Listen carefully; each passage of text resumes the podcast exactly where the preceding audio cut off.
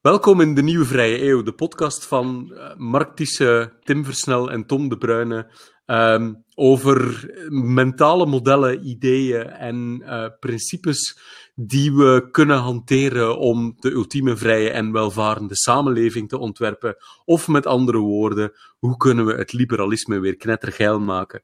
Um, vandaag zijn we ongelooflijk uh, vereerd om de twee auteurs van ja, toch wel een van de beste boeken die we de voorbije maanden gelezen hebben. En voor mensen die regelmatig de nieuwe vrije eeuw luisteren, weet dat we nogal flink boekennerds zijn. Um, maar er is toch wel één boek die er de voorbije maanden uh, enorm bovenuit steeg. En dat is het boek van Toomgroei, um, waar, we, waar we vandaag met, uh, met de auteurs van het boek Sander Heijnen en Hendrik Nolte samen zitten. Um, en ik, ik laat ons gewoon simpelweg beginnen met, met aan jullie de vraag te stellen van Sander en Hendrik. Fantoomgroei. Wat is fantoomgroei? Of de subtitel van het boek zegt waarom we steeds harder werken voor steeds minder. Wel, waarom werken we steeds harder voor steeds minder? Sander en ik hebben een soort ongeschreven afspraak dat hij altijd deze vraag oppakt. Oké. Okay. Ik zou hem willen ja, uitdagen. Wel, nee, dus wat is fantoomgroei? Ja, heel kort samengevat, fantoomgroei is het fenomeen dat je ziet dat de economie wel groeit, maar dat werkenden daar eigenlijk steeds minder van profiteren. Dus je ziet hè, de afgelopen, als je 30, 40 jaar terugkijkt, zie je dat de economie enorm is gegroeid. Maar tegelijkertijd zie je dat uh, steeds meer mensen afhankelijk zijn van voedselbanken. Dat uh, uh, steeds minder mensen pensioen opbouwen. Je ziet dat er een lerarentekort is. Hè? Dat we gewoon niet meer voldoende mensen voor de klas krijgen, terwijl we een kenniseconomie zijn. Ehm, en je ziet ook gewoon als je kijkt naar de huishoudinkomens dat die ja, veel en veel minder snel gestegen zijn dan de economische groei aan zich. En economische denken en het hele politiek-economische beleid in Nederland gebaseerd is op het idee dat als die economie groeit, dat dan al die waarde die gecreëerd wordt vanzelf doorcijpelt naar alle geledingen van de samenleving. Ja, wij zien dat dat gewoon eigenlijk al heel lang niet meer het geval is in Nederland. En om het daarover te kunnen hebben, hadden wij behoefte aan een term waarin we dat uh, fenomeen bondig kunnen vatten. En ja, dat hebben wij fantoomgroei genoemd, zodat het een soort spookgroei is die voor heel veel mensen niet tastbaar is. Ja, het is een prachtig frame. Hè? Tom en ik die houden natuurlijk van, uh, van framen. Uh, en dit is fantastisch. Het is, hebben, hebben, jullie, hebben jullie in de kroeg met een avondje biertjes bedacht? Of zat er echt een heel gedachteproces aan, aan vooraf? Er zat zeker een heel gedachteproces uh, af. Maar we, nee, we zijn een jaar op zoek geweest naar een goede titel voor het boek. En uh, op een gegeven moment uh, zal ik hem maar gewoon claimen. Ja, doe maar. Nee, ik lach al, want ik dit, elke keer weer. Maar inderdaad, credit where credit's due. Op een gegeven moment het popte op in mijn hoofd. Fantoomgroei. Ja, ja. Ja, dus, dus na een jaar zoeken, opeens, uh, s ochtends om een uur of tien, ik was met iemand aan de telefoon en toen viel hij opeens mijn hoofd in. Uh, ja, zo gaat het soms. En wat Sander zegt is ook, uh, de, zeg maar, de titel is in die zin ook, we hadden ook echt behoefte aan, de titel is zo gekoppeld aan het denken waarin we ook op een bepaalde manier klem zitten met elkaar. En waarin we ook met elkaar zijn opgegroeid. Dat we hadden echt behoefte aan wij zijn altijd, mij is altijd geleerd op school en ik heb tijd voor een uh, werkgeversvereniging gewerkt. Mij is altijd geleerd, als het goed gaat met de economie, als die groeit, dan gaat het goed met het land.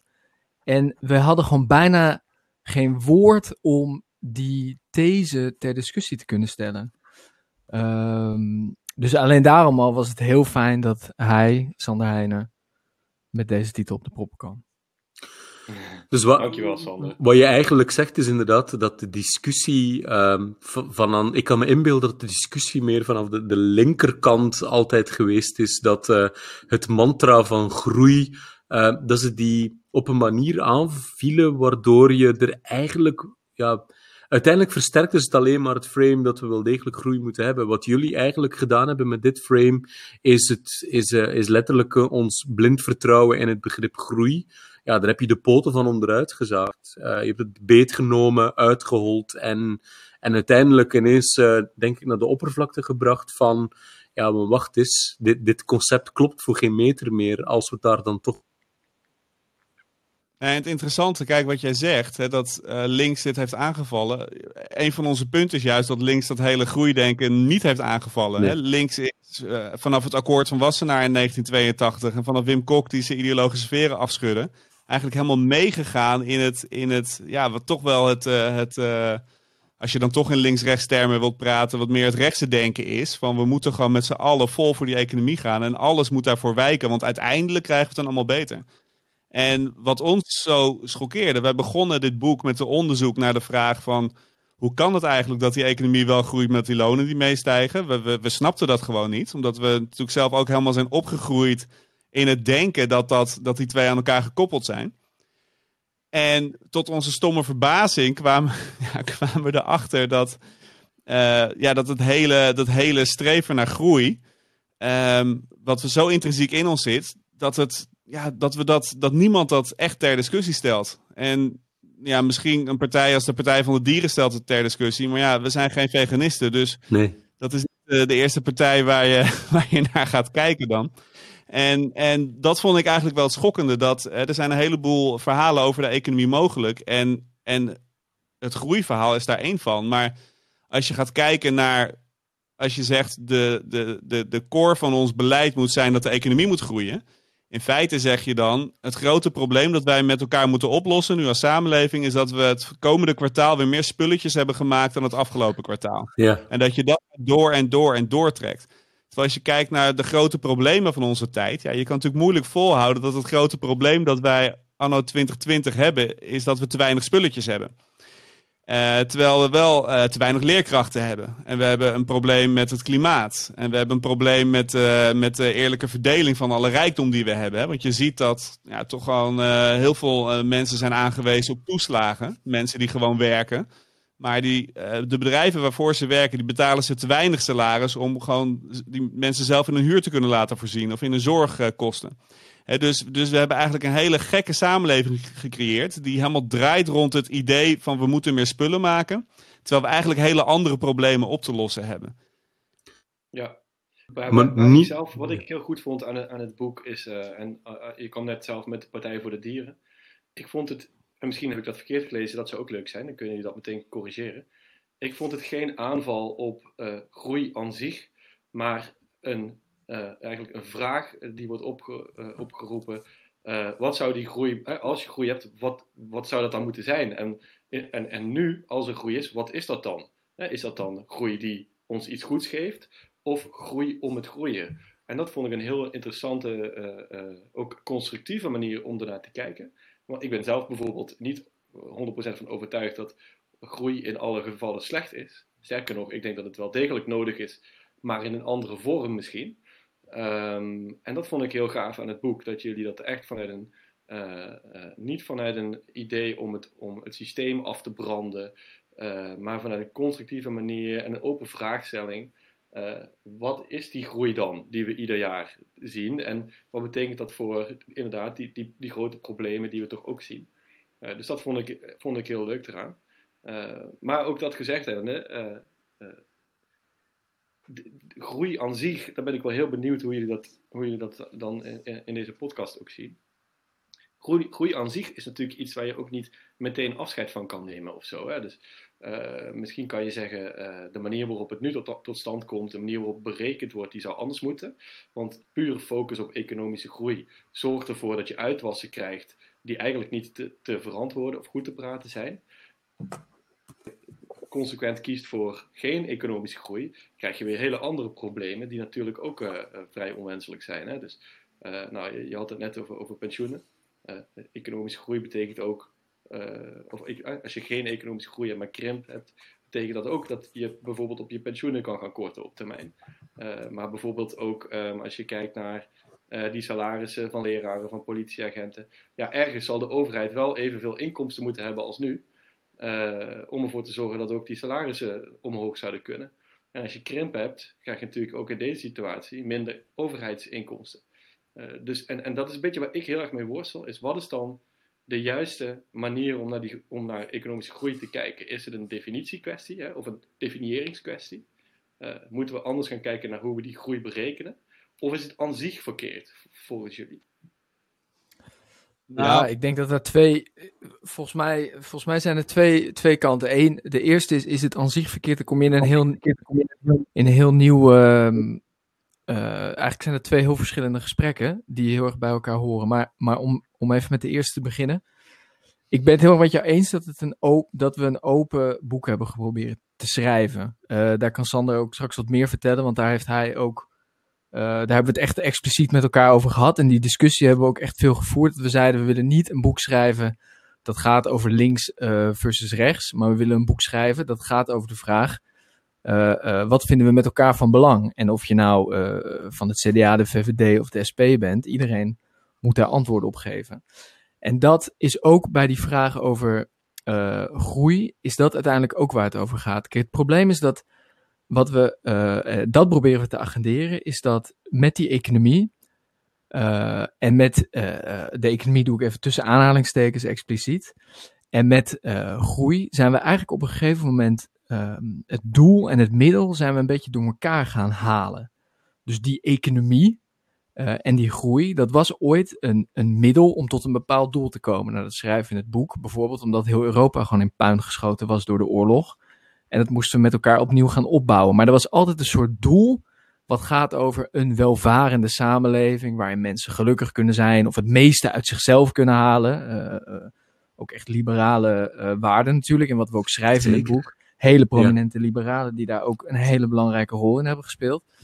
Maar ergens door de tijd heen zijn we dat wel, door, zijn we dat wel een beetje vergeten. Dat is wel gaan verwateren. Van wat is nou, wat is nou het grote doel? Waarom moet die economie groeien? Tot wat voor soort samenleving moet dat dan leiden? Wat vinden we daarin met elkaar van belang? Ehm, en dat is een hele politiek. Dus dat is geen technische discussie. Maar dat is denk ik wel een hele politieke discussie. Ehm, en op het moment dat die discussie verdwijnt, dan wordt het vooral eh, een materiële vraag. En dan gaat de techniek wordt daarin eigenlijk leidend. En dan komen we volgens mij in al die uitwassen waar we vandaag de dag zijn.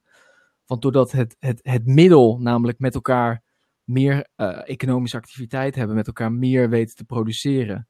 eh, als dat uiteindelijk het doel wordt, ja, dan, dan kom je in de situatie die Sander eigenlijk net omschrijft. Dat je denkt, waarom doen we dat nog met elkaar? Dus ik denk dat in de eerste instantie zou er heel erg weer die politieke vraag moeten zijn. eh, wat is het doel van met elkaar deze welvaart ontwikkelen? Wat is het doel van die economie? En dan kan je ook met elkaar zeggen, ja, oké, groei aan zich vinden we op zich niet verkeerd.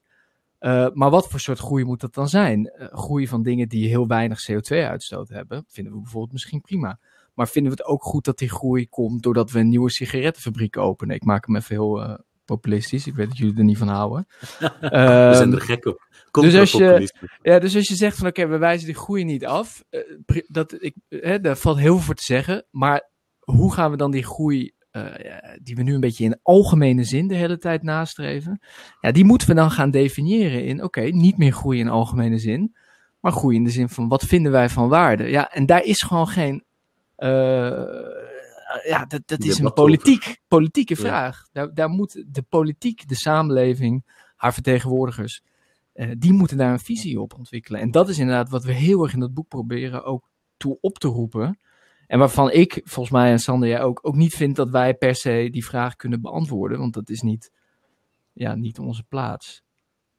Nee, dat is echt een vraag waar de samenleving over gaat, inderdaad. Of tenminste het antwoord. En, en, en voor ons, met het boek, wat wij. Voor onszelf was het gewoon zo'n enorm inzicht. Dat dat, dat, hè, dat hele groeidenken, dat dat überhaupt niet meer ter discussie staat. Of dat daar überhaupt nauwelijks over wordt nagedacht. Van wat is dat dan?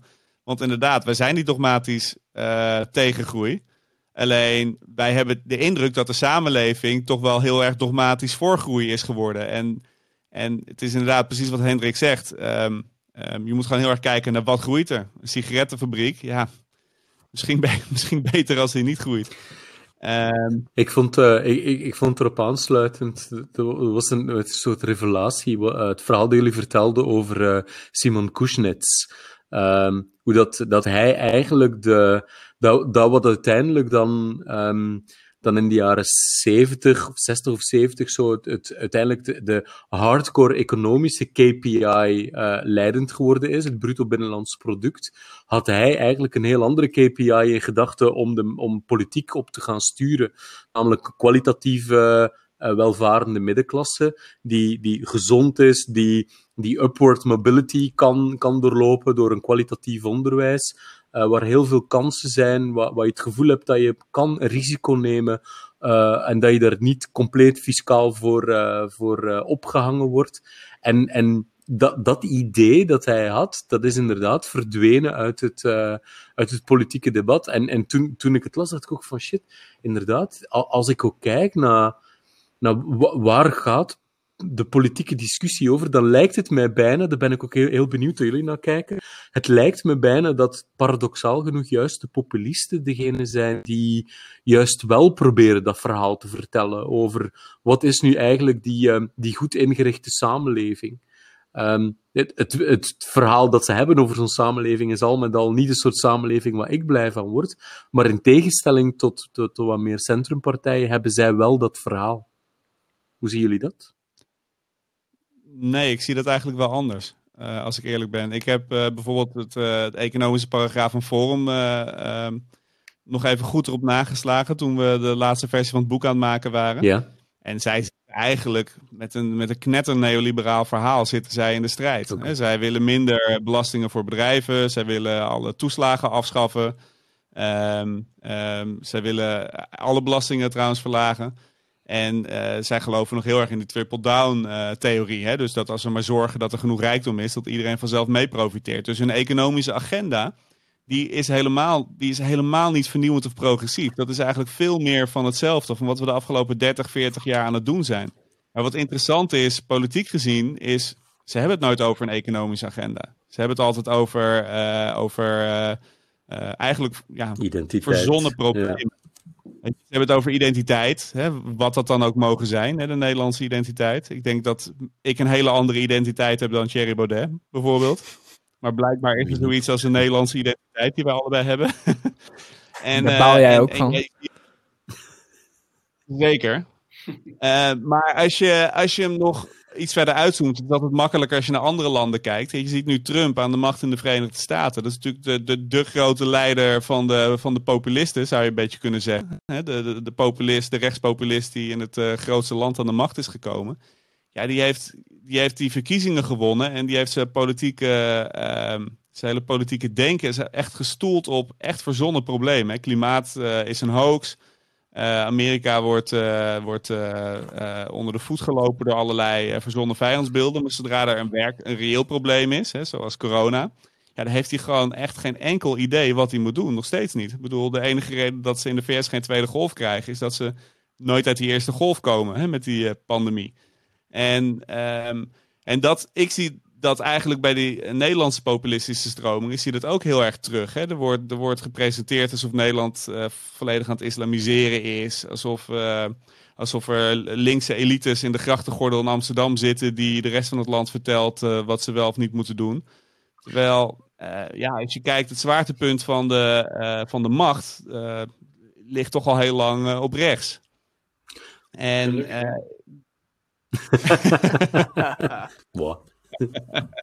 maar, maar, maar, maar, maar er even op doorgaan, want um, als, als, als je de, de, de lijn doortrekt van jullie verhaal, dan is jullie verhaal eigenlijk een, een verhaal over hoe ontwerp je een welvarende, eerlijke, uh, de, ja, groeiende samenleving. Uh, en op een of andere manier lijkt niemand tot nu toe dat, dat verhaal goed weten om te zetten in een verhaal waar je ook echt politiek mee kan winnen. Nou ja, wat, wat ik denk, uh, en ik hoop dat jullie dat uh, straks wel gaan kunnen. Uh, ik bedoel, als, dat, als deze podcast daartoe leidt, dan is het, is het heel fijn. Kijk, eigenlijk een van de belangrijkste punten die we maken in het boek is dat werken zou gewoon moeten lonen. Hè, dus wat je nu ziet, als je vermogen hebt, dan is het in Nederland heel makkelijk om daar meer vermogen van te maken. Maar als jij gewoon werkend je geld moet verdienen, Kijk, een derde van de Nederlandse werknemers die heeft geen vaste aanstelling meer. Die zitten allemaal in flexbanen waarmee ze geen hypotheek kunnen krijgen. Dus ze kunnen geen vermogen opbouwen in een huis. Uh, heel veel werk gaat tegen minimumloon uh, tot uh, 200% van het minimumloon. Nou ja, dan zit je, je 10 tot 20 euro per uur. Nou, probeer daar maar eens überhaupt van te wonen en van rond te komen. Dat is echt ontzettend lastig.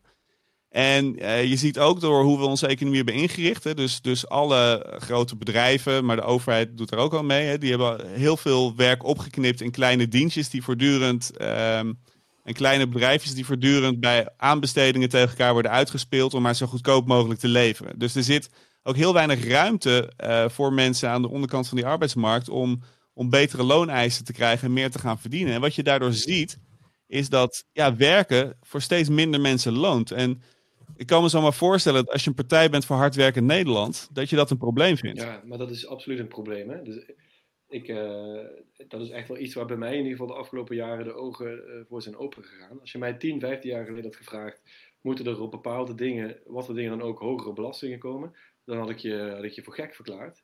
En inmiddels heb ik wel erg goed door dat er bepaalde dingen inderdaad hogere belastingen moeten komen. En met name op kapitaal, op vermogen.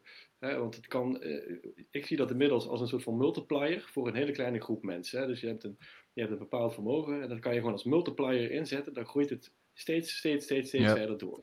Terwijl de onderkant, de, de onderkant, moet er ook niet, raad, niet, niet, niet heel uh, uh, zielig over doen. Mensen in Nederland hebben het al, algemeen goed, maar dan is het nog steeds niet oké okay dat, dat er een steeds grotere kloof eigenlijk komt tussen de, de, laten we zeggen, de, de, gewone Nederlander en een heel klein deel, met name internationaal opererende rijke mensen slash bedrijven.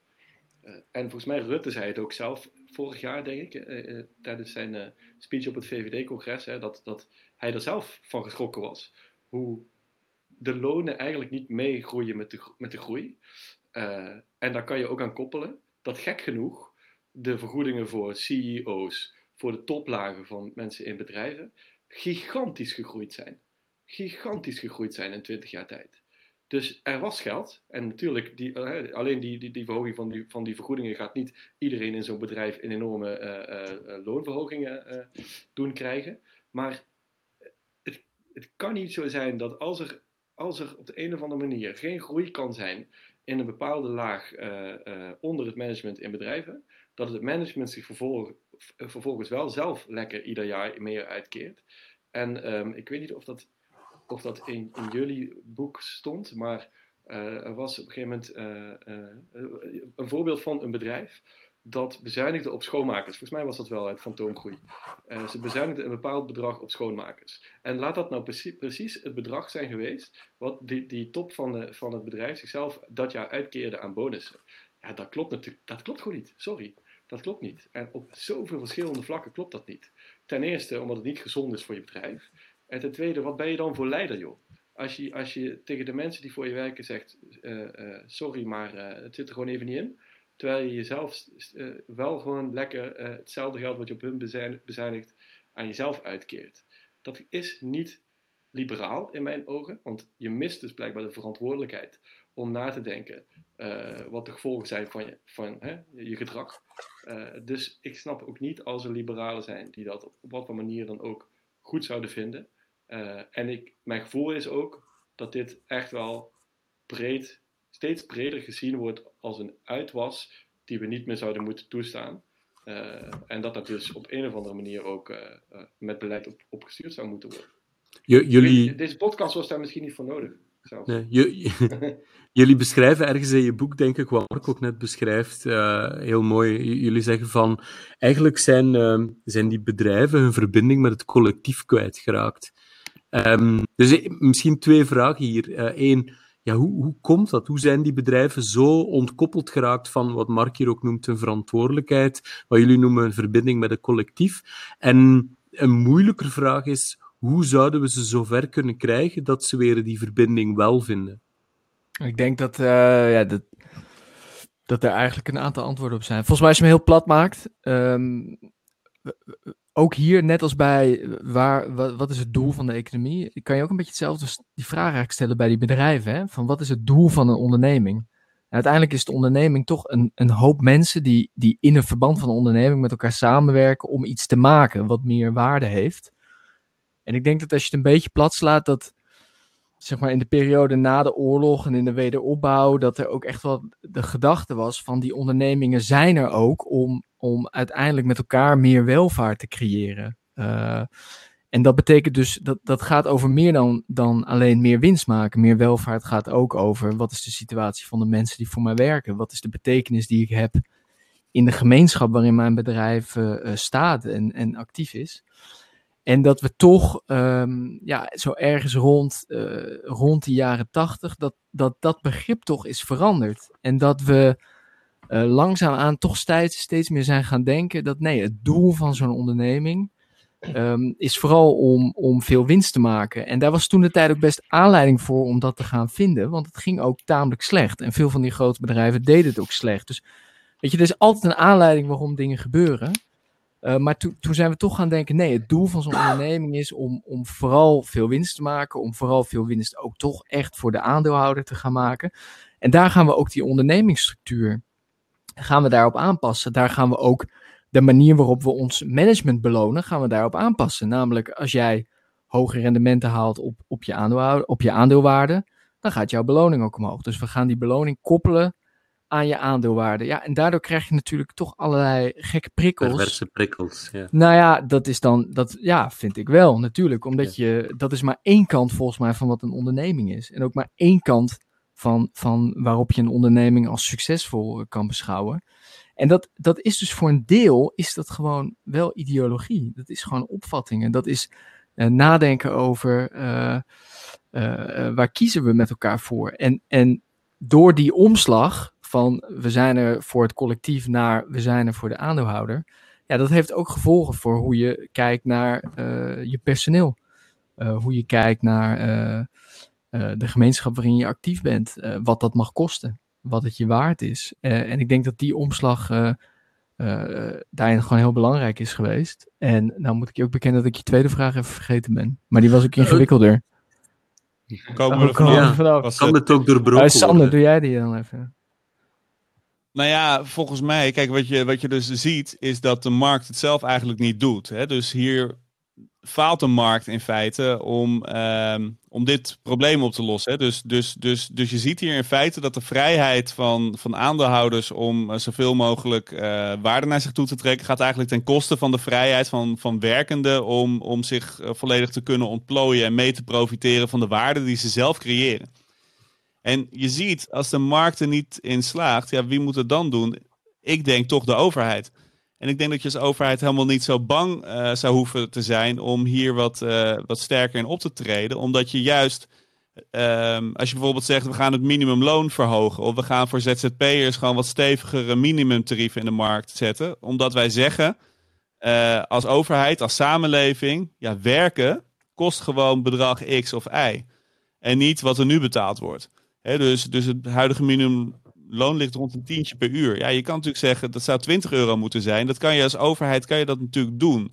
Um, uh, op het moment dat, dat, dat goederen uh, enorm, ja, die heb ik niet heel erg doordacht hoor, maar als goederen onder heel andere omstandigheden vanuit andere continenten hier naartoe worden gehaald, uh, waar mensen bijvoorbeeld in Chinese concentratiekampen dat in elkaar aan het knutselen zijn, ja, je zou daar toch met heffingen ook iets aan kunnen doen. Weet je? Dus je hebt, je hebt als overheid best wel instrumenten die je kan inzetten om te zorgen dat het allemaal wat eerlijker wordt. Dat je gewoon een level playing field hebt voor werkenden. En dat is wat er nu eigenlijk nou ja, misgaat. Volgens mij, je moet je ook niet vergeten dat de. Kijk, het, het playing field wordt altijd door onszelf gemaakt. Hè? Dus, dus ook nu, eh, weet je, er zijn altijd onze eigen regels en afspraken vormen uiteindelijk het playing field. Er bestaat niet zoiets als een vrije markt. Dat is natuurlijk een heel gek idee dat dat zou bestaan. Uh, uh, want we hebben allemaal regels die die markt faciliteren met elkaar. En, en, en alleen het enige is dat we altijd wennen aan een status quo. En als je kijkt naar, nou, neem bijvoorbeeld het inkopen van aandelen uh, door bedrijven, die buybacks, het inkopen buybacks. van eigen aandelen. Dat is tijdens die coronacrisis best wel in één keer ook op de agenda gekomen, omdat Booking.com daar bijvoorbeeld veel geld aan uit had gegeven en wel overheidssteun kreeg. Maar die buybacks waren tot diep in de jaren tachtig in de Verenigde Staten gewoon verboden. Dat mocht gewoon niet. Want dat vonden ze marktmanipulatie. Dus je kan gewoon met elkaar afspreken. Sorry. Ja, sorry, ik vond het heel interessant. Want, uh, waarom was dat verboden? Is dat puur om, om marktmanipulatie? Ja, dat, dat, zagen ze echt als marktmanipulatie. Van het zelf, zeg maar zelf, het kunstmatig opdrijven van de prijs. Dus dat schuurt een beetje tegen zeg maar, speculatie en zo, uh, ook in die zin aan. En daardoor werd, dat, daardoor werd het daar in ieder geval toen gezien als, uh, als verboden. Grappig genoeg zien we het nu ook... veel meer als immoreel. Hè? Dus, het is, dus het wordt nu, er zit nu een ander argument eigenlijk achter. Maar wat ook interessant is, uh, uh, als je kijkt naar de, naar de vorige generaties Captains of Industry, iemand als Jan Timmer, hè, de voormalige Philips-topman, die is in zijn memoires ook heel kritisch over het fenomeen van buybacks. Hè. Dus bedrijven als Shell en Philips, die hebben daar heel veel aan gedaan de afgelopen jaren. En hij zegt van ja, als jij als, als bestuurder van een, technisch, van een technologisch bedrijf niks beters kan verzinnen met je geld dan je eigen aandelen inkopen. Dus het niet kan investeren in nieuwe technologieën waarmee je het bedrijf voor de toekomst weer weerbaar maakt en uh, sterker maakt en daarmee ook de samenleving. Ja, dan hoor je eigenlijk helemaal niet op die stoel plaats. Dan ben je helemaal geen uh, ondernemer. Dan moet je dus ook geen onderneming runnen. Dus dat is ook heel interessant dat die generatie daar dus echt nog heel anders over dacht. En, en als we nu zien, uh, nou, het voorbeeld dat ik noem, dat jaar 25 miljard euro heeft uitgegeven aan eigen buybacks. Ja, alsof er in de energiesector niet 25 miljard euro in iets nuttigs geïnvesteerd kan worden als het vergroenen van de, van de energievoorraad. Weet je, van de energievoorziening. Om er één te noemen. Dus als je, als ziet dat, en, en zo'n bestuur van zo'n bedrijf doet dat natuurlijk, omdat hun eigen, uh, zij worden deels betaald in aandelenpakketten. Dus ze, sturen ook hun eigen uh, koers omhoog. En ja, ik zou denken, bedrijven die, die op deze manier opereren, ja, wat heb je eraan? Waarom zou die faciliteren? En ik weet niet of we op die discussie gaan komen, maar Shell is natuurlijk alweer een beetje aan het dreigen om naar Engeland te gaan. Ja, als ze zich zo gedragen, laat ze lekker gaan. We hebben groene energie nodig, niet, niet die oude fossiele energie. We kunnen ook gewoon nieuwe energiebedrijven bouwen met elkaar. We hebben natuurlijk niet per se, we hoeven niet vast te houden aan dat oude Shell. Je ziet het uh, met andere bedrijven ook. Als je, ik heb toevallig laatst even de top 100 grootste werkgevers door uh, zitten bladeren. Ja, de, de, de, de multinationals, die zijn er bijna allemaal uitgevallen. Shell staat er nog in, op de 41ste positie of zo. Bedrijven als Unilever en Axo en zo, die zijn er al uitgevallen.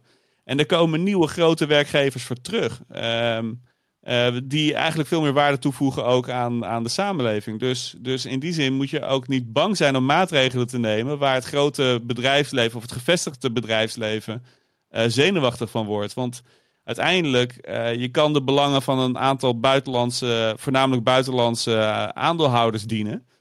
Maar je kan ook de belangen van, van de, de Nederlandse bevolking dienen. En ik denk dat dat, dat dat vergt een omslag in denken, zeker.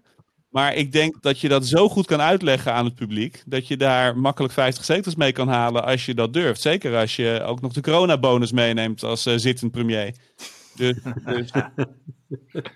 ik, wat ik, want ik vind het heel interessant, hè? Want... Ik hoor hier dog whispering. ja, zeker. Ik, vind dit een hele interessante, maar um, ik, de, de vraag is natuurlijk wel wat gaat het je uiteindelijk kosten als je echt heel, uh, zeg maar, laten we zeggen, militant gaat zijn tegen hele grote bedrijven. Hè? Dus het is, het is niet gratis. Dus er zullen altijd kosten zijn uh, op het moment dat Shell niet meer in Nederland zit en in een ander land en misschien nog wel andere bedrijven ook. En, en ik ben een beetje op zoek naar wat is nou de soort van middenweg die je kunt bewandelen, waarop je ervoor kan zorgen dat, omdat het belangrijk is, wel gewoon een heel goed bedrijfsklimaat is in Nederland, ook voor dat soort grote bedrijven maar tegelijkertijd ook een grens gesteld wordt. Hè? Want in het geval van Shell bijvoorbeeld, volgens mij gaat het om een gebrek aan wederkerigheid van een bedrijf dat zich boven de samenleving en boven de, de, de overheid voelt staan. En eigenlijk alleen maar kijkt naar een kleine groep aandeelhouders. Dat is geen wederkerigheid en ze verwachten heel veel, maar ze doen er niets terug. Uh, wat is nou de middenweg, zeg maar? Wat, wat zijn de knopjes waar je aan kan draaien om niet meteen alles weg te jagen, maar wel uh, um, aan de uitwassen iets te kunnen doen. Ja, maar kijk, ik vind, ik vind het, de, de term die je nu gebruikt, het wegjagen, dat vind ik echt het verkeerde frame. Want dat wordt steeds ja. in deze discussie gebruikt. Ja. En, je, en je zegt het, als wij, als wij vragen aan de aandeelhouders van Shell om een klein beetje belasting te blijven betalen. Shell betaalt verder geen belasting in Nederland. Hè? Dus ze betalen, ze dragen überhaupt al niet bij. En ze hebben, ze hebben 10.000 banen in Nederland. En dat zijn veel hoogopgeleide uh, ingenieurs uh, en ander hoogopgeleid personeel die ook heel goed elders in de samenleving aan het werk kan zetten. Um, maar het idee dat, uh, kijk, de slager om de hoek, die moet ook gewoon belasting betalen. En, en, die betaalt een procent of twintig over zijn, in zijn BV. Een, een werknemer, ehm, ik neem aan dat jullie succesvol zijn, betalen rond de 50% van hun inkomen aan belastingen. En multinationals, de allerrijkste bedrijven, die betalen gewoon het ja. allerlaagste ja. percentage. Dus je kan zeggen, eh, als je daar iets aan wil doen of als je dat ter discussie stelt, dan jaag je ze weg. Ja, ik vind dat het verkeerde frame. Ik vind echt dat we van bedrijven mogen vragen die zoveel geld verdienen aan de infrastructuur die we hier hebben liggen, dat ze daar ook een beetje aan bijdragen om dat in stand te houden. En het is ook helemaal geen radicaal idee. In Duitsland vragen ze dat ook van de grote bedrijven. In Frankrijk vragen ze dat ook van de grote bedrijven. En uh, voor een deel proberen die dat dan weer via Nederlandse fiscale routes te omzeilen. Wat natuurlijk ook heel dubieus is en wat je ook best ter discussie zou kunnen stellen. Maar andere beschaafde landen laten hun grote bedrijven gewoon belasting betalen. Dus ik zie niet in waarom we dat hier niet zouden doen. We hebben zoveel te bieden als land. Ik denk wat, uh, wat volgens mij. Mij vergeven dat ik af en toe een rechtsvreemde ingooi. Ik ben uh, uiteindelijk toch uh, geworden. Nee, maar dat is heel goed. Maar volgens mij. Wat, wat ik wel. Even naar jullie boek, en dat komt hier ook in terug, is. Waarom hebben we geen progressief belastingbeleid als we het hebben over bedrijven. Hè? Dus we hebben ja. progressief belastingbeleid als we het hebben over mensen. En uh, ook voor VVD'ers is dat iets wat prima te accepteren is, hè? zolang het maar niet al te gek wordt, zeg maar. Maar eigenlijk hebben we dat niet voor bedrijven. En tot een bepaalde hoogte zijn startende bedrijven en kleine bedrijven hebben natuurlijk kortingen. Maar als je een bepaalde grootte bereikt, en dat is echt niet zoveel, dan betaal je inderdaad veel meer dan, dan bedrijven van een, een hele grote omvang die, die speciale deals sluiten nota bene met de, met de overheid. Nou, ik hoef niet aan te kloppen bij het ministerie van Financiën om te vragen of ik een speciale deal mag. Uh, en dat klopt gewoon niet. Hè? Want op zoveel vlakken, niet alleen vanuit uh, uh, dat het scheve verhoudingen creëert, maar ook vanuit de macht, de steeds gro groter wordende macht van bijna monopolisten in de, in de economie. Die door dit soort dingen ook steeds minder uitgedaagd worden, want ze betalen minder belasting dan degene die hun moeten uitdagen. Dus die personen die, die krijgen ook minder kans om te groeien en een bepaalde grootte te bereiken om die monopolieposities aan te tasten. Dus op zoveel manieren is dit ook vanuit de liberale uh, visie eigenlijk niet. Ja, maar je raak, volgens mij raak je daar een heel, heel, echt een heel erg belangrijk punt. En misschien wel uh, als je, als je zeg maar echt zoekt naar een nieuw geluid of een, een nieuwe denkmodellen voor het liberalisme, is dit wel echt een van de modellen. Namelijk waarom waarom zijn we op een gegeven moment, uh, waren we zeg maar voor ontplooiing en voor ondernemerschap en, en dat iedereen die kans krijgt en zijn we toebewogen naar, uh, we zijn uh, voor het, ja, een beetje het verdedigen van die grote monopolisten. Want dat is ja. natuurlijk wel wat het is. Aan de bovenkant van het segment, in een aantal sectoren hebben we enorme, met, te maken met enorme consolidaties. Het maakt niet uit waar je kijkt. Er zijn gewoon een aantal grote reuzen die de baas zijn. En je snijdt het al aan, de reden dat we eigenlijk een regressief belastingmodel hebben voor ondernemingen heeft vooral te maken met macht. En je ziet gewoon dat dat ook gewoon, uh, zeg maar, zelfs als je er heel traditioneel um, economisch naar kijkt, dat dat gewoon je marktdynamiek gewoon totaal gewoon naar de klote helpt op een aantal van die, in een aantal van die sectoren. En je zou dat ook als liberaal, zou je dat juist eigenlijk niet moeten hebben. Je zou moeten pleiten voor het tegenovergestelde. Je wil namelijk een open markt, mensen kunnen erbij, ondernemers hebben een kans. Um, en, en dus ergens hebben we ons laten vangen als politiek, maar ik zou zeggen, dat zelfs partijen aan de linkerkant van het spectrum dat eigenlijk ook hebben.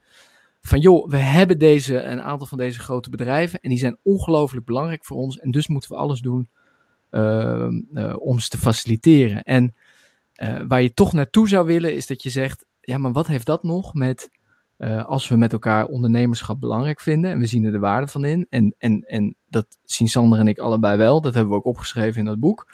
Wat heeft dat nog te maken daar stoor ik me dan aan. Hè? Dan, dan, ook vanuit bijvoorbeeld de Malitor van VNO-NCW, dan wordt er gezegd van rond Shell, van ja, er is een heel negatief klimaat rond ondernemers. Dan denk ik, wat heeft Ben van Beurden met ondernemerschap te maken? Ja. Dat heeft meer te maken met een middelgrote staat.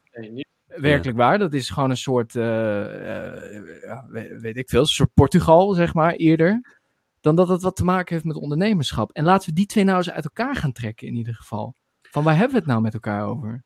Ja. Wat, wat, mij heel erg aanspreekt, ook wat, uh, wat, wat Sander daarnet zei, was uh, ook een antwoord op de vraag van wat Mark net zei over hoe vinden we de middenweg daarin. Ik denk wat inderdaad een heel prikkelende gedachte is, is, is tegelijkertijd uh, aan de ene kant over de morele as aanspreken, over het feit dat ze hun contributie gewoon niet betalen, die elke andere ondernemer en werknemer in Nederland wel betaalt. Maar aan de andere kant eigenlijk daar een ander verhaal tegenover zetten van hoeveel waanzinnige kansen voor goed ondernemerschap, investeren, hier intussen liggen. Uh, de, voor, voor partijen en spelers die het wel volgens de, ja, die, die wel die connectie met de samenleving uh, zien en daarvoor willen betalen. Ik denk dat dat een tweetje nog mist om weg te gaan van wat jij heel terecht noemt, ja, ze wegjagen. Dat is gewoon een soort ziek frame waarin dat we zelf uh, instappen en slachtoffer van zijn. Ja, en ik denk ook dat ondernemers, zelf, dat ondernemers zelf daar ook uh, veel meer zich over zouden moeten gaan uitspreken. Kijk, ik ben zelf ook ondernemer. Ik heb uh, naast mijn journalistieke praktijk een mediaproductiebureau. En ja, weet je, ik, ik ben gewoon een MKB'ertje. Met, uh, ik heb 15 mensen die veel voor mij werken. Maar ja, dat is, dat is de schaal. En, en ja, ik bedoel, ik, als, ik heb dit boek geschreven juist als ondernemer. En ik vind ook dat ondernemerschap alle kans moet hebben. Maar ja. uh, ik zit dan in een sector waar je niet zo kapitaalintensief bent. Dus daar, daar kan je als kleine ondernemer kan je gewoon nog wel echt die markt inkomen. En kan je op kwaliteit concurreren. Dat, dat gaat echt wel. Maar als je bijvoorbeeld kijkt inderdaad naar een gemiddelde winkelstraat. Als jij een kledingwinkel wilt beginnen als eenpitter. En je moet opboksen tegen de H&M die geen belasting betaalt. Nergens. Weet je, dat, het is gewoon zo ongelooflijk oneerlijk speelveld. Dus als je een vrije markt wilt hebben met vrije toegang, dan moet je inderdaad zorgen dat je dat speelveld effent. En dat doe je inderdaad door grote bedrijven belasting te laten betalen. En niet door dan te zeggen van dan jagen we ze weg. Ja, ik denk dat dit ook precies het, het punt is en de, uh, uh, laten we zeggen, uh, de invalshoek is hoe je mij kan overtuigen en ook, ik denk met mij veel mensen aan de rechterkant dat het niet zozeer gaat om eerlijkheid. Hè? Want persoonlijk interesseert me gereed of uh, Ben van Beurden 10 miljoen of 100 miljoen verdient. Dat vind ik allemaal, uh, ik lig er niet van wakker. Uh, maar vanuit macht.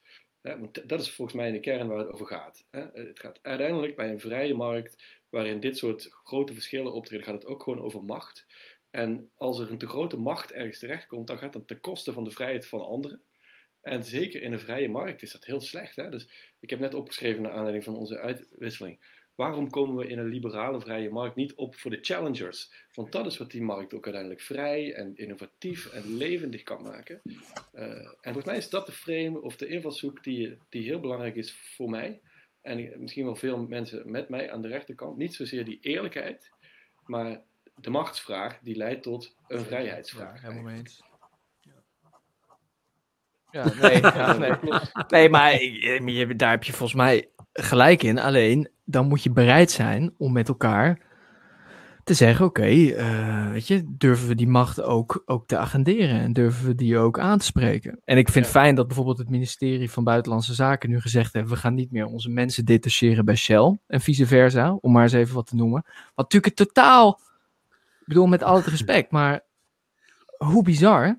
Dus er begint misschien wel nu wat te kantelen, maar dat, dat, dat, dat vraagt wel moed. En ja, het, dat is niet gemakkelijk. Dat, ook, dat moeten we ook eerlijk over zijn. Het is niet gemakkelijk om, om dat debat aan te gaan. Uh, dat vraagt ook dappere politici. Bijvoorbeeld.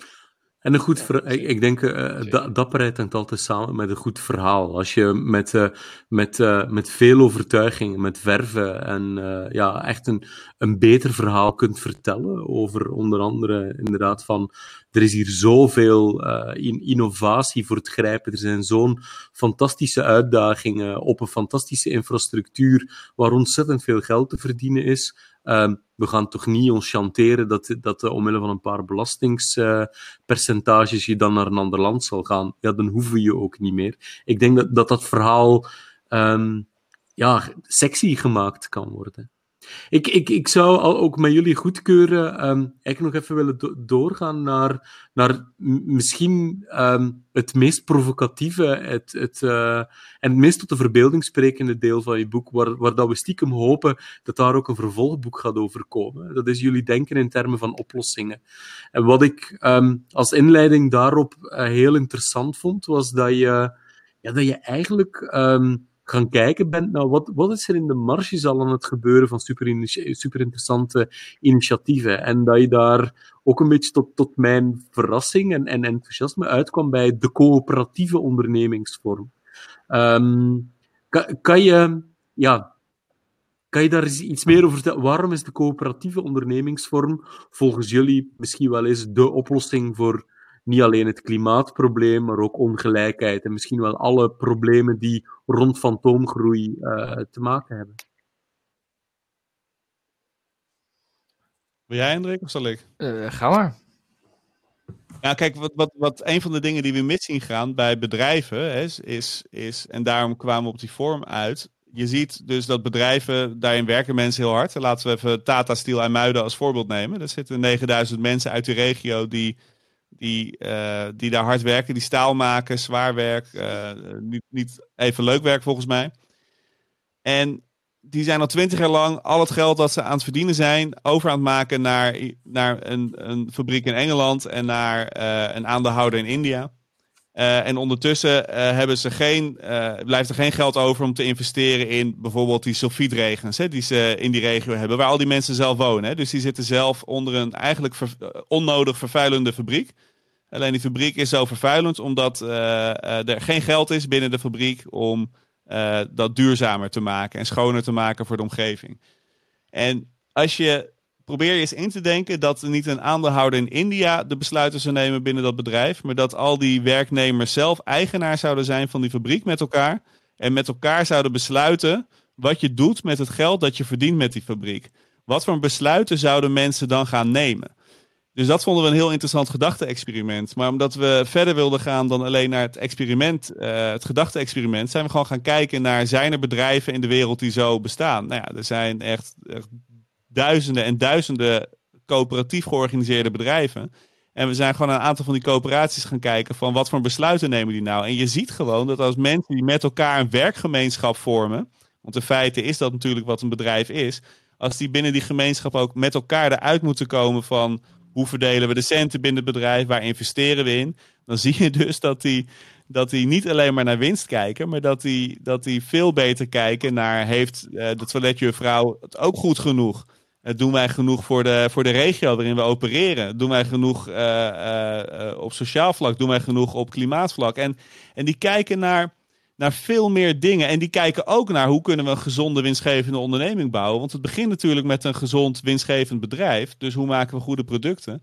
Alleen de, de vruchten, de zoete vruchten die uh, van een onderneming afkomen, die worden op een hele andere manier verdeeld. En er wordt ook uh, uh, veel meer op de lange termijn gekeken. Hè? Dus je gaat niet, je gaat niet in 2019 à la Booking.com 5 miljard uit een bedrijf trekken en in 2020 dan bijna omflikkeren als er een coronacrisis komt. Hè? Dan, bedoel, je, je, je hebt gewoon een gezondere boekhouding. En, uh, uh, dus, dus, dus, en wij geloven ook heel erg in dat de oplossingen, die moeten. Wij geloven niet in top-down oplossingen. Wij geloven ook niet in. Uh, bedoel, we hebben gezien wat het communisme heeft gedaan in Oost-Europa. Zo'n staatsgestuurde economie, dat werkt helemaal niet. Je, je hebt echt initiatief van onderop nodig. Alleen wij zeggen dat als het initiatief van onderop komt, dan moet je eigenlijk ook proberen een deel van het initiatief gedeeld onderop te houden. En coöperaties zijn daar een hele mooie vorm voor. En je hoeft daarvoor ook niet, uh, niet een discussie te voeren over moeten we het kapitalisme afschaffen. Dat zeggen wij helemaal niet en dat willen wij helemaal niet. Maar coöperaties kunnen heel goed gedijen, zelfs in het huidige kapitalisme. Dus in het huidige uh, vrije marktkapitalisme, waarin wij zeggen dat er heel veel fantoomgroei plaatsvindt. Zelfs daarbinnen heb je grote coöperaties die heel goed kunnen concurreren met, met, met met uh, beursgenoteerde bedrijven. Maar wij denken dat die, dat die coöperaties gewoon een veel waardevollere uh, rol spelen en willen spelen binnen de samenleving. Ja, ik vind het heel interessant. Ik vind het heel interessant. Eh, ik vroeg me wel af, ook toen ik het in jullie boek las, want er wordt een beetje met een knipoog op, hoe zeg je dat, Ges, gesignald. ga je bedrijven dwingen om meer coöperatie te worden? Of ga je zeg maar meer hopen dat meer bedrijven een co coöperatie gaan worden? Ja, dat is natuurlijk.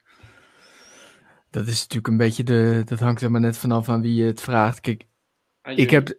Ja, ik denk. Ik denk. Nou ja, kijk. Ik denk dat uiteindelijk. Uh, dat komt ook omdat Sander en ik daarover een klein beetje soms nog van mening verschillen. Uh, Op welke manier? Uh, hij, dat hij iets nobeler gelooft in de goedheid van de mens. En ik meer uh, vind dat er wat dwingende hand aan te pas moet komen. Nee, kijk, ik denk dat hoe je het ook doet, dat je um, als je zegt, ik vind het belangrijk, want daarom hebben we die coöperaties opgeschreven, omdat we zeiden dat zijn meer democratische vormen weer van ondernemen, waardoor je hopelijk ondernemingen krijgt die, die waarde voor het hele collectief kunnen creëren, waar we het eerder over hadden. Um, als, je dat, als je zegt, ik vind dat belangrijk en ik denk dat dat voor ons alle waarde toevoegt, dan moet je in ieder geval zorgen Dat je minimaal een level playing field hebt. Uh, en misschien moet je het zelfs willen stimuleren. Dus ik, ik zou niet zeggen, uh, dat is een beetje wat Sander ook zei, van we dwingen iedereen om uh, hun ondernemingsmodel om te gooien. En, want dat is natuurlijk allemaal, dat is gewoon ridicuul. Dat, dat, dat. maar je zou wel kunnen zeggen, ik ga een speelveld creëren waarin dit soort ondernemingsvormen, die, waarvan we met elkaar vinden dat dat meer waarde toevoegt voor het collectief, ja, dat we die gaan, dat we die helpen. Dat we die een handje helpen en een goed deeltje geven. En, en dat zou je gewoon als overheid uh, zou je dat gewoon moeten doen en kunnen doen. En ik moet ik zeggen, ik heb zelf een tijd voor, dus voor de, een werkgeversvereniging gewerkt, ABVN, in de Mali-toren in Den. En daar was ook al toen de tijd, en ook bij binnen VNO en CW zag je dat, gingen er echt discussies over. Dat ging dan over dat stakeholder value, hè, noemden ze dat. Van hoe, hoe kunnen we grote bedrijven weer waarde voor al hun, hun stakeholders toevoegen. Dus het is ook helemaal geen gedachte volgens mij waar per se uh, ondernemend Nederland tegen is. ik geloof alleen niet in dat als je alleen zegt: hé hey jongens, zullen we het met z'n allen doen? Um, dat gaat het niet dat, gebeuren. Dat, dat werkt. Dat, maar zo werkt het volgens mij nooit. Nee, maar je kan vanuit de overheid kijken. Er gaat ongelooflijk veel subsidie naar het bedrijfsleven hè, in Nederland. En als je bijvoorbeeld kijkt, nou, Booking.com, het viel eerder al. Booking.com is een bedrijf dat de afgelopen jaren de grootste ontvanger was van die uh, innovatiepotten. Uh, van, die, uh, van die korting op je belasting als je innovatief bent. Ja, je had dat geld natuurlijk ook kunnen geven aan een, en ik weet niet of het er is, maar volgens mij is dat nu in wording, aan een, een, een platform dat ook hotelboekingen faciliteert. Maar dat het op zo'n manier doet dat het hoteliers ook daadwerkelijk helpt. Hè? In plaats van, kijk, Booking.com is natuurlijk een platform dat uh, is opgericht uiteindelijk om, om gewoon een groot percentage van de hotelomzet wereldwijd naar zich toe te trekken. En zij hebben een soort inkoopkartel voor uh, hotelboekers hebben zij gebouwd. Waardoor je als hotelier, als hoteleigenaar, kan je eigenlijk niet om Booking.com heen. Maar je kan ook steeds minder verdienen omdat een groot deel van je geld naar Booking gaat. En, en wat je eigenlijk zou willen is ja, voor een consument is een platform heel fijn, heel prettig. Maar eigenlijk zou je willen dat zo'n platform gewoon eigendom was van die hotels die daarop staan. Zodat je gewoon de kosten die je hebt voor die infrastructuur om, uh, om zo'n zo'n site uh, te hebben, dat die gedekt worden. Maar dat de zoete vruchten gewoon naar de ondernemers erachter gaan, hè? de, de, de hoteleigenaren. En uh, dus, dus dat is, dus dat is hmm. hoe je anders naar die economie kan kijken. En wat ik heel interessant vind in deze, in uh, gewoon echte marktdenkers, hè, als het bijvoorbeeld gaat over als je pleit voor hogere lonen voor werknemers, dan zeggen ze ja, hè, als de markt nou helemaal zo is, dan is het prima dat mensen weinig verdienen. En anders wordt het maar, uh, wordt het maar doodgeld, wordt het maar inefficiënt. Maar de grootste inefficiëntie in onze bedrijven vandaag, dat is natuurlijk de aandeelhouder. Hè, die kosten ongelooflijk veel geld. En die leveren eigenlijk helemaal niks op voor bedrijven. Hè? Die halen er alleen maar geld uit. Dus als je, als je een goed bedrijf wilt bouwen. En als je goede coöperaties, goede ondernemers, goede coöperaties laat opzetten. Is mijn overtuiging dat die altijd uh, uh, beter, beter kunnen concurreren. Omdat ze niet die enorme aandeelhouderseisen in hun nek hebben zitten. Dan andere partijen. Voorwaarde is natuurlijk wel dat die grote gevestigde spelers dezelfde belasting gaan betalen als de beginnende coöperaties. Hè? Die, dus die discussie waar we het net over hadden, zodat dat speelveld daadwerkelijk gelijk is. Dus, dus ik ben. En, en, en dit grijpt ook weer in op wat ik zei over Shell. Als Shell weg wilt gaan, laat ze lekker gaan. Dan gaan we gewoon meer energiecoöperaties opzetten in Nederland. Zoals dat windpark De Krammer, uh, hè, dat daar uh, in Zuid-Holland ligt wat door twee dorpen is opgezet. En waar die mensen hartstikke blij zijn, omdat ze gewoon zelf profiteren van de windmolens en van de wind die over hun eigen huizen waait. Dat lijkt me zo. Ah, ik, ik, ik, volg het ook helemaal. Ik, ik denk dat uh, het coöperatief denken heeft echt nog zo'n beetje. vooral um, moet, nog wat ze wegvinden van de randen naar, uh, naar de mainstream. Uh, want van zodra dat je inderdaad de, de, de, zowel het kapitaal als, het, uh, als de creativiteit, als de intelligentie van mensen op slimme manieren met elkaar kan verbinden, wat uiteindelijk de belofte was van heel de sharing-economie, ja, dan, dan liggen de kansen om slimmer, duurzamer, uh, goedkoper um, uh, dingen te doen liggen voor het grijpen. Maar op een of andere manier zijn we collectief een beetje in slaap gesust door, door gewoon onszelf aan de tiet van de corporaties uh, van de, de, de, de corporations gewoon te gaan, te gaan hangen. Dus ik, dat, dat vond ik het, zo het, ontzettende prikkelende van het laatste stuk, is dat jullie denk ik wel een poging deden om het denken rond coöperatieven, ook bijvoorbeeld in termen van vakbonden, om die wat meer uit de randen te halen en te zeggen van jongens, kijk, dit is het deurtje naar waar de mainstream over vijf jaar zou moeten volop geobsedeerd door zijn. Ja. tegelijkertijd, hè, niemand houdt uh, niemand tegen om een coöperatie op te richten als bedrijfsvorm. Het gebeurt. Uh, en toch zijn alle grote bedrijven van de afgelopen, die de afgelopen 20 jaar gestart zijn en succesvol zijn geworden, de meeste zijn, ik, ik zou zelfs geen weten eigenlijk, die een coöperatie is. Uh, dus er zit dan toch iets in die bedrijfsvorm wat voorkomt dat ze echt uitgroeien tot een gamechanger, zeg maar. Nou ja, wat volgens mij wat je ziet, is de meeste bedrijven die snel groeien, die worden opgezet met venture capital. Ja. En venture capital gaat natuurlijk alleen in een bedrijf zitten, in een start-up, als ze, als ze denken van als we er nu uh, eh, 10 miljoen insteken, dan hopelijk kunnen we er over 10 jaar kunnen we er 100 miljoen uittrekken.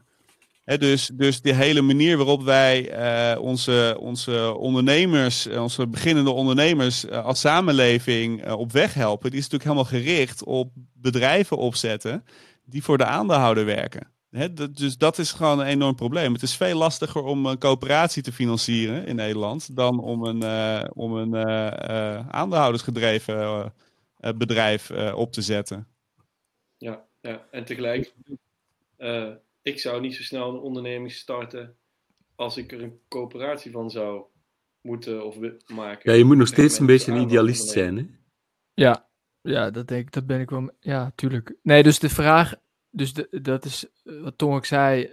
De vraag, er, zijn, er zijn twee wegen die je kan bewandelen. Eén, uh, wil ik veel meer coöperaties gaan stimuleren? Dan zou je dus bijvoorbeeld moeten kijken naar Italië, waar wel echt allerlei fondsen ook worden opgezet om die coöperaties aan financiering te helpen. Dan moet je dus gewoon daar meer... Maar Italianen zijn allemaal lui en die zijn op ons geld Dat is wel waar. Dat is wel waar. Om die coöperaties vervolgens weer levend te houden. Ja, dat zijn eigenlijk onze coöperaties ook op dit moment. Hier komt het altijd weer op terug, jongen. Italianen die ons geld uit zijn.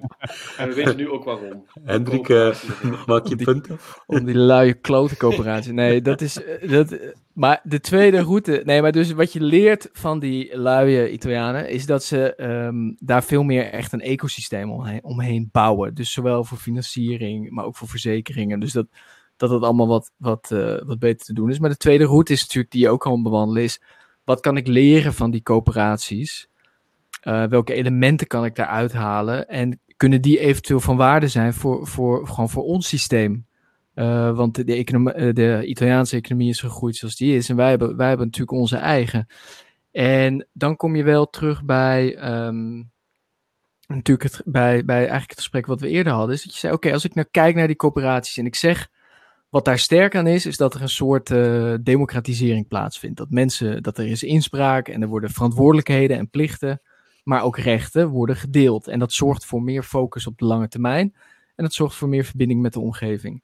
Uh, uh, nou ja, een beetje dat stakeholder-achtige, value-achtige toe. Ja, wat voor elementen kan ik daar dan, zou ik daar eventueel uit kunnen halen? En dan, daar kan je natuurlijk ook naar kijken. Dan zeg je, kunnen we dingen doen om medezeggenschap te versterken? Kunnen we dingen doen uh, om, om, om voor deels eigenaarschap van, van medewerkers uh, uh, te versterken. Doordat we door nieuwe, voor, aan nieuwe vormen van dividend gaan werken. Dat, en dat zou volgens mij ook de route in Nederland moeten zijn.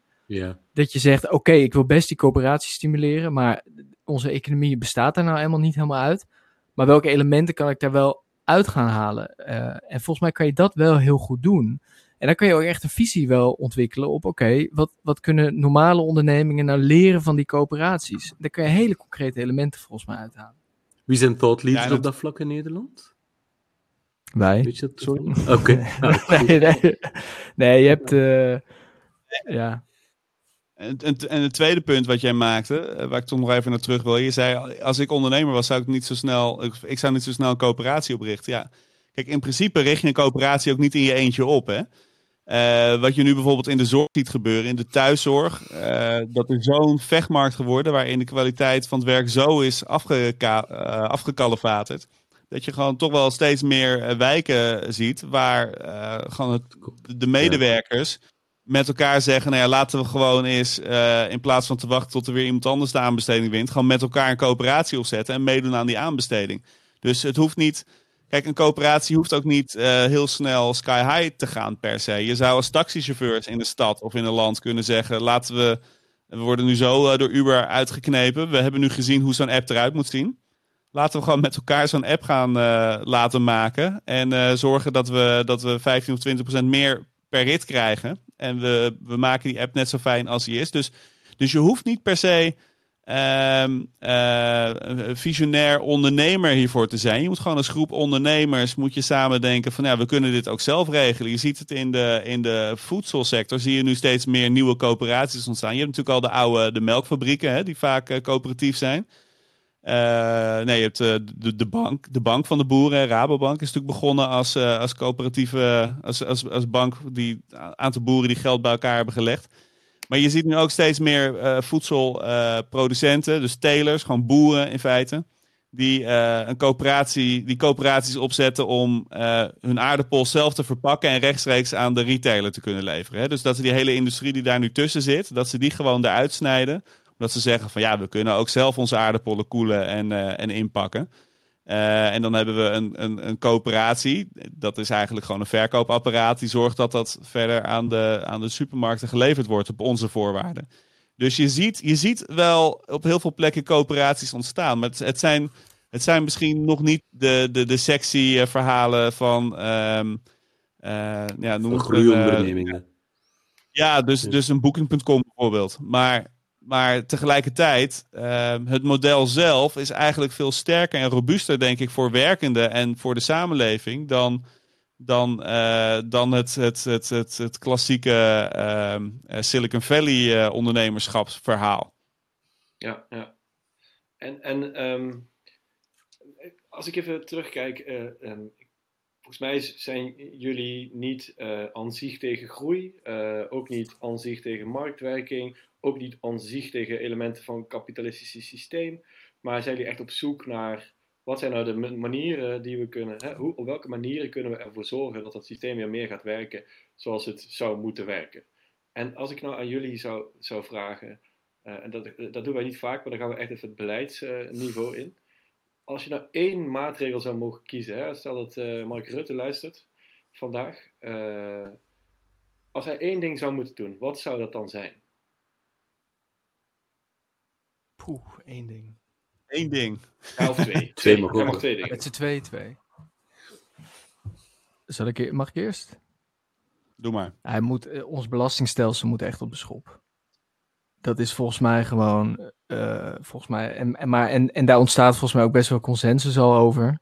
Maar het kan niet, het kan niet zo zijn dat we in Nederland en, en, en uh, de, wellicht dat deels voor jullie luisteraars daar boos over worden, maar dat we gewoon zo'n grote vermogensongelijkheid hebben in Nederland. Dat kapitaal bijna niet belasten. En gewoon zoveel, zeg maar, arbeid, uh, uh, zoveel belasten. En overigens zijn dus ook heel veel grote werkgevers daar ook totaal niet mee geholpen met de manier waarop we dat nu hebben gedaan. Dus volgens mij hebben we dat, e dat is echt helemaal uit het lood. En, uh, dus dat, dat, en het probleem is alleen dat we die vermogens ook heel slecht in kaart hebben. Dus het is niet zo makkelijk. We, we weten het ook heel slecht. Maar dat aan gaan pakken, ik zou echt met een deltaplan belasting komen van hoe, ga, hoe gaan we dat met elkaar rechttrekken. Want ook over al dat dode kapitaal en dat vermogen, daar hebben we ook als economie ook heel weinig aan. Uh, dat moeten we echt gaan, uh, gaan omkeren. Ik, ik, hoop echt van harte dat hij dat, dat, die dat gaat doen in zijn volgende kabinet. Ik ga er een beetje vanuit dat het namelijk wel weer zijn kabinet gaat worden. Dus we gaan, we gaan er eindelijk een belastingparadijs van maken, maar dan voor de werkenden. Ja, ja, is ook, ja, ja. zo kun je er ook naar kijken. Ja, maar voor de economie. Voor de economie, gewoon. Dat is het eigenlijk gewoon. We gaan zorgen dat dat geld gewoon in de samenleving terechtkomt. Want dat is eigenlijk wat je doet met een goed belastingstelsel. Je zorgt dat dat geld mooi in die samenleving terechtkomt. Daar waar het kan worden uitgegeven. Uh, en niet dat het ergens een beetje staat, uh, staat te verstoffen op een plank. En dat we het ook nog eens niet eens doorhebben met elkaar. Dat, dat, dat moet je gewoon niet willen. Sander? Welke zou nou ja? Uh, ik zou uh, stoppen met het BBP leidend laten zijn als maatstaf voor het succes van onze samenleving. Hè, dus, dus, dus kom met een brede welvaartsindicator die veel beter in kaart brengt hoe het nou daadwerkelijk met ons gaat. En, en met, met, de, met de bovenste 50% van de bevolking gaat het hier echt wel heel goed. En gelukkig behoren wij zelf, en ik denk jullie ook, tot die categorie. Dus voor ons is dit een heel gaaf land. Maar je zou echt de, het succes van de samenleving moeten gaan afmeten aan, aan andere indicatoren die zich vooral focussen ook op hoe gaat het met de onderste 50%. Hoe hebben die het? En wat zijn hun perspectieven?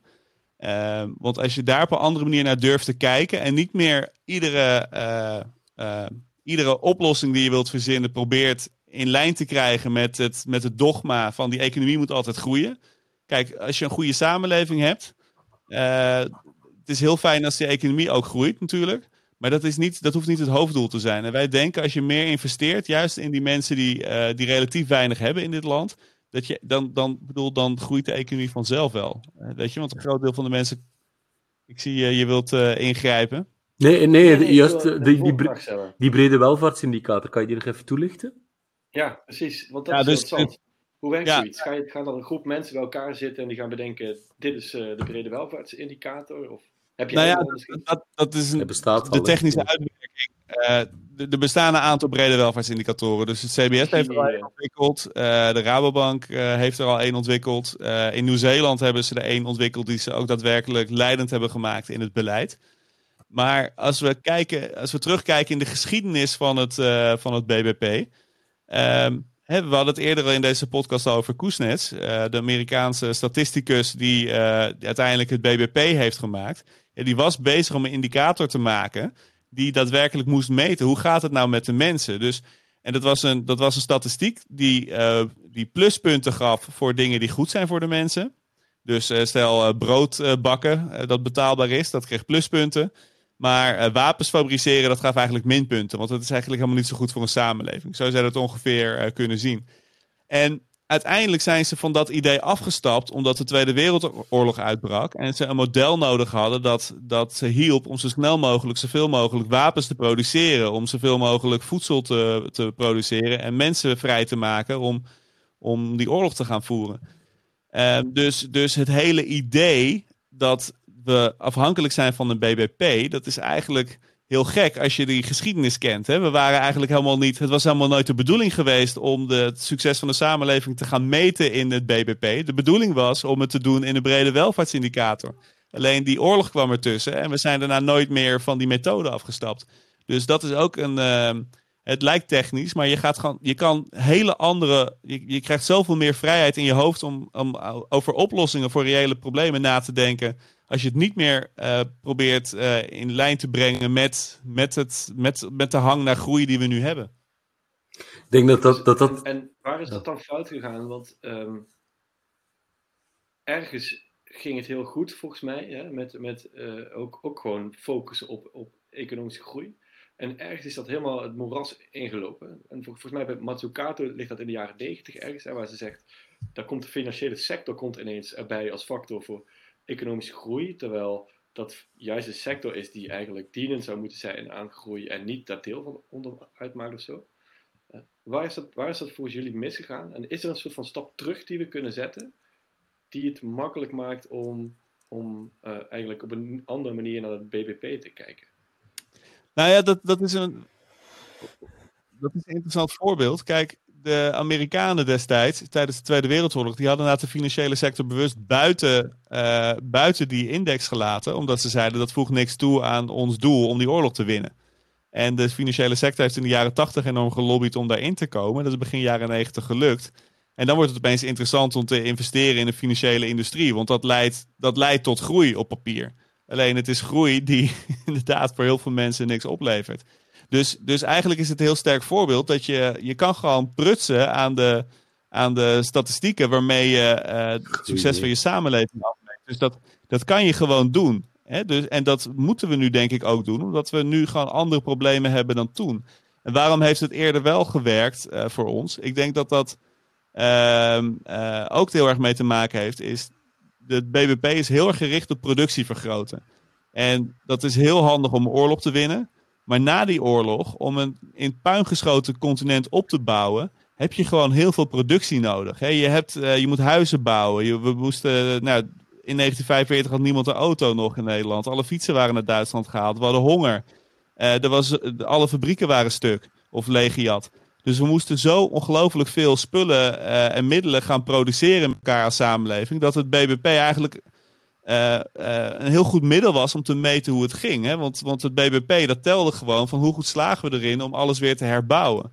Alleen op het moment dat je land herbouwd is, dat die wederopbouw voltooid is. Je kan over twisten wanneer dat was, maar laten we zeggen in 1982 was het land wel herbouwd.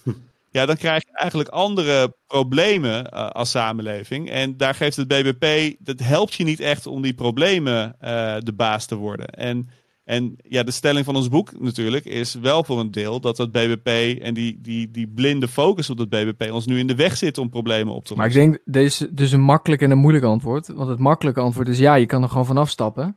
Kijk naar wat, er in, wat, wat Jacinda Ardern in Nieuw-Zeeland doet. Die zegt, ik gooi het overboord, ik ga wat anders doen. Ik ga naar meerdere indicatoren kijken.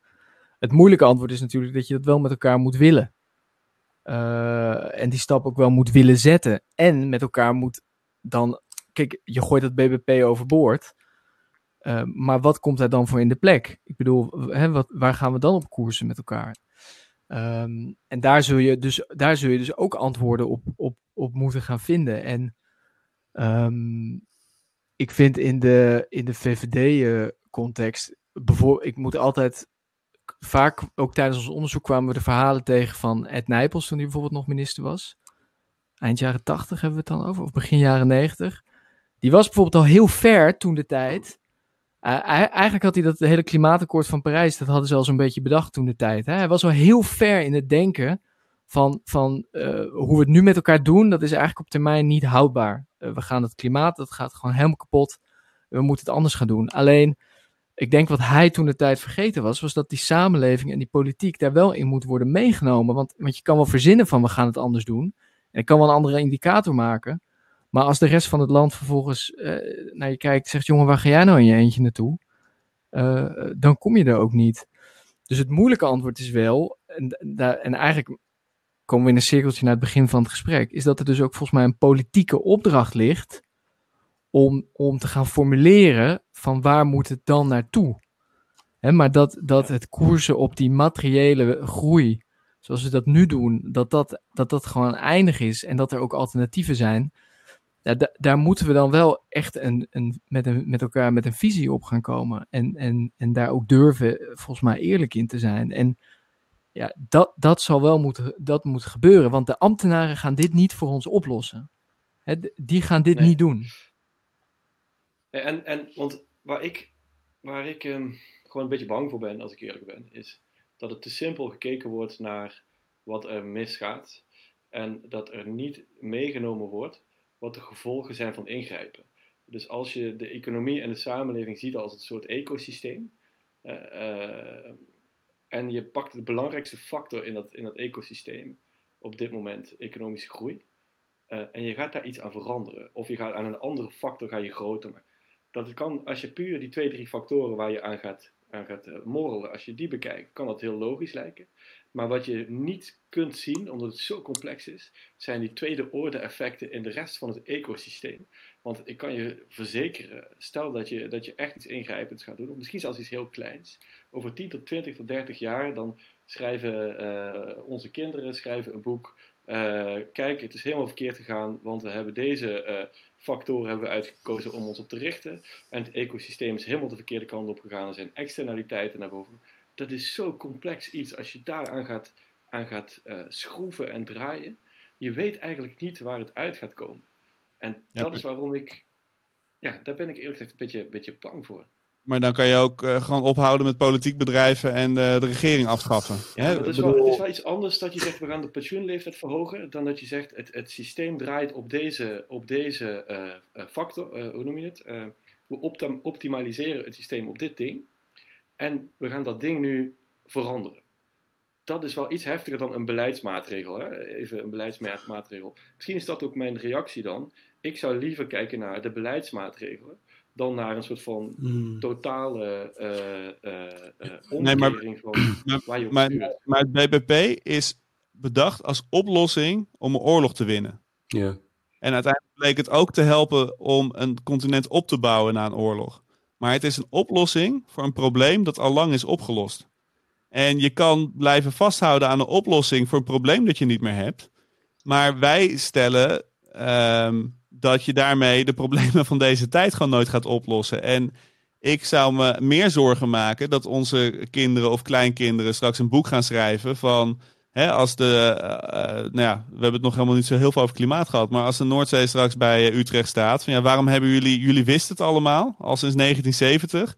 En jullie hebben daar helemaal niks aan gedaan, omdat jullie niet durfden te prutsen aan het, de manier waarop je het succes van de samenleving meet. Nou, dankjewel. Weet je, ik, ik, ik, denk dat dat, ik denk dat dat een veel reëler probleem is dan. Ehm, maar even los. dat is wel, want, want, ik maak me daar ook zorgen over. Maar is dat nou niet juist een probleem wat je gaat oplossen met een focus op economische groei in combinatie met financiële instrumenten?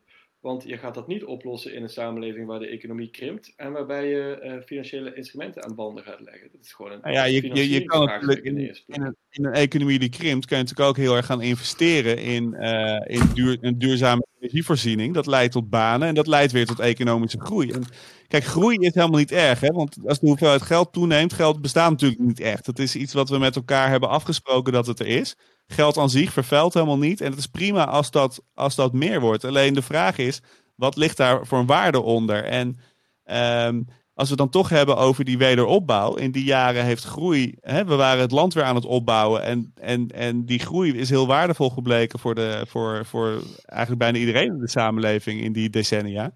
Je kan natuurlijk naar je energievoorziening kijken als we moeten die opnieuw gaan opbouwen. We moeten wat we nu hebben, daar moeten we vanaf. We moeten dat opnieuw gaan opbouwen. Daar kan je enorme investeringsprogramma's tegen aangooien. En dat leidt gewoon tot groei. Als jij een kolencentrale sluit waar een paar honderd mensen werken. en vervolgens moet de hele stad zonnepanelen op zijn dak schroeven. Ja, daar heb je duizenden installateurs voor nodig om dat te regelen. Dus het een sluit het ander helemaal niet uit. Alleen je moet gewoon naar andere. Uh, je moet, als je andere problemen hebt dan 70 jaar geleden, moet je ook andere oplossingen durven te kiezen. Ja, volgens mij als je andere beleidsmaatregelen wil gaan nemen, dan moet je dus eerst andere doelen stellen. En als je zegt, ik, kijk, we, um, we moeten niet in de val trappen, volgens mij dat je zegt helemaal geen groei of zo. Dat is ook een soort mentale val, uh, valkuil waar, je, waar we niet in moeten vallen. Wat je, wat je kan doen is dat je zegt, ik, ik stel gewoon andere doelen. Dus ik, ik, uh, ik meet aan de hand van uh, leefbaarheid, ik meet aan de hand van daling van CO2-uitstoot, ik meet aan de hand van, uh, weet ik veel, toegankelijkheid van publieke voorzieningen. Maar om dat allemaal voor elkaar te krijgen, daar heb je allerlei, daar heb je één allerlei maatregelen voor nodig, maar dat betekent dus ook heel veel werk. Dus daaruit volgt misschien wel weer groei van je economie, want je moet dat met elkaar gaan bouwen. Alleen die groei leidt vervolgens wel naar, dat is dan wel het middel wat je naar het doel wat we met elkaar willen. Namelijk dat het duurzamer is of dat het toegankelijker is of weet ik veel wat. En als het gaat om bijvoorbeeld financiële instrumenten, dan is het volgens mij juist heel belangrijk dat je die nieuwe doelen stelt, omdat dat ook helpt. Dat zie je natuurlijk nu in de financiële sector al, die nu gedwongen worden om uh, duurzaamheidsdingen in hun risicoassessments mee te gaan nemen. En dat verandert natuurlijk ook in één keer het speelveld. Dus, dus als we zeggen, niet koersen op groei, dan betekent het eigenlijk gewoon stel nieuwe doelstellingen voor jezelf. Maar die doelstellingen die moeten ambitieus zijn. Die moeten gaan over waar gaan we naartoe. Die moeten niet gaan over we moeten terug naar 1970. Nee, dat, dat, dat, daar, daar komen echt hele grote opdrachten uit voort. Die tot, hmm. weet je wel, en dus, dus eh, zeg maar als je zegt ik stap af gewoon groei, moeten we niet verwarren met we moeten gewoon niks meer doen met elkaar en nu allemaal stil gaan zitten of zo. Want dat is ook niet wat we daar per se mee bedoelen te zeggen ja, ik word, maar het is gewoon zo energiek om hierover na te denken. En ik word er alleen maar enthousiast van uh, om er gewoon zo over te praten. Weet Want het is, het is, uh, het is super interessant wat jullie, uh, wat jullie bedacht hebben. En ik ben ook heel benieuwd. Um, trouwens, gefeliciteerd, want jullie hebben volgens mij nog geen één keer het woord neoliberaal gebruikt vanavond. Dat vind ik heel Ook niet in het boek trouwens. Dankjewel, ja. Dankjewel daarvoor. ik vraag me af, um, jullie hebben het, het boek geschreven jullie willen natuurlijk dat die ideeën ook het draagvlak krijgen, hè, politiek en in de samenleving. Hoe ga je zoiets uh, aanpakken? Nou ja, uh, onze oplossing was er een boek over schrijven. nee, maar nu, nu is het pas begonnen, toch? Want, nee, kijk, wat nu, wat nu nodig is, is we hebben gewoon echt leiderschap nodig nu. We hebben mensen nodig die, uh, die ons, hè, die dit snappen. Um, en die, die ons, dus ons als land, daarin mee durven te nemen. Dat, is, dat is echt waar we behoefte aan hebben. En dat is een van de redenen dat we het boek zijn gaan schrijven. Is dat wij, uh, ja, wij constateerden, in ieder geval toen wij twee jaar geleden begonnen, dat dat leiderschap er gewoon eigenlijk niet is op dit moment. Weet je, dat, dat, dat, dat, dat uh, partijen te veel kijken naar wat, wat, vindt, wat vindt de kiezer op dit moment interessant. En dan gaan we daar een beetje onze, onze voorstellen op afstemmen. Terwijl je natuurlijk behoefte hebt aan leiders die gewoon een idee hebben van we moeten hier naartoe uh, als land. En ik ga de kiezer uitleggen waarom ze mij moeten steunen daarin. Dus, um, dus dat is uh, de hoop die wij hebben. Ja, hoe gaan we dat verder bereiken? Ja, wij proberen zoveel mogelijk mensen uit te leggen wat wij, uh, tot welke inzichten wij zijn gekomen. En zolang wij er met z'n tweeën van overtuigd blijven, gaat natuurlijk helemaal niks veranderen dus dus um, ja, wij hopen, wij hopen dat we mensen nou, kunnen overtuigen. En dit, dit soort, volgens mij zijn dit soort gesprekken gewoon van levensbelang. Want we hebben echt geprobeerd. Kijk, het is natuurlijk een politiek boek. Dat hebben we ook letterlijk opgeschreven. Het is een boek waarin we zeggen wat wij ook vinden van de wereld.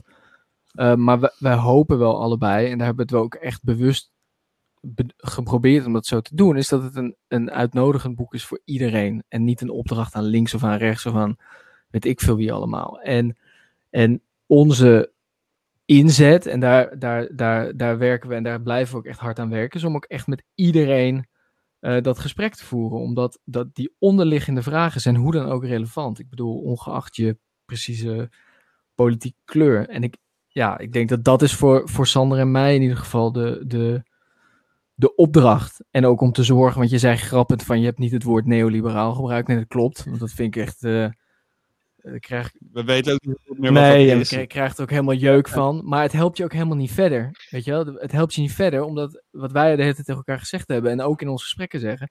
Je moet met elkaar praten over waar wil je met elkaar naartoe. En je kan wel terminologie gaan smijten, van rechts naar links en van links naar rechts. Maar wat, wat betekent dat nou nog? Waar willen we met elkaar naartoe? En ik vind het alleen maar heel mooi om te zien dat tot nu toe uh, dat, dat gesprek in ieder geval ook breed gevoerd wordt. Ik vind het een fantastische conclusie van dit gesprek. Ja, en volgens mij is het ook aardig goed gelukt trouwens, uh, zoals ik ook aan het begin zei in jullie boek. Het is echt gewoon een open uh, boek, waar volgens mij, uh, zolang je niet op de extreme flanken behoort, kan iedereen er door aan het denken gezet worden. dus dat is echt top. Heel veel complimenten. Sander, Hendrik, nog iets aan toe. Allemaal kopen dat boek. Ja, ja, fantoomgroei. Alle, twaalf, Hendrik Nolte. alle mensen die luisteren, kopen dat boek. nee, veel dank. Daar heb ik niks aan toe te voegen. Dat was eigenlijk mijn slotwoord geweest. Maar... Top. prachtig slotwoord. Super. Beetje neoliberaal van je om dan meteen weer je eigen te. Maar... Ontzettend bedankt voor het, uh, voor, het, uh, voor het heel fijne gesprek. Ik denk dat er... Uh, ik heb hier ook als een gek zitten meeschrijven. Um, we, gaan, we gaan er alles aan doen om dit evangelie verder te verspreiden. Top. Nou, als wij jullie kunnen helpen verder binnen uh, toch de grootste partij van Nederland, dan uh, zijn wij er altijd bereid. Dit zou wel eens goed kunnen. Dank iedereen. Heren. Tot ziens. Fijne avond. Insgelijk.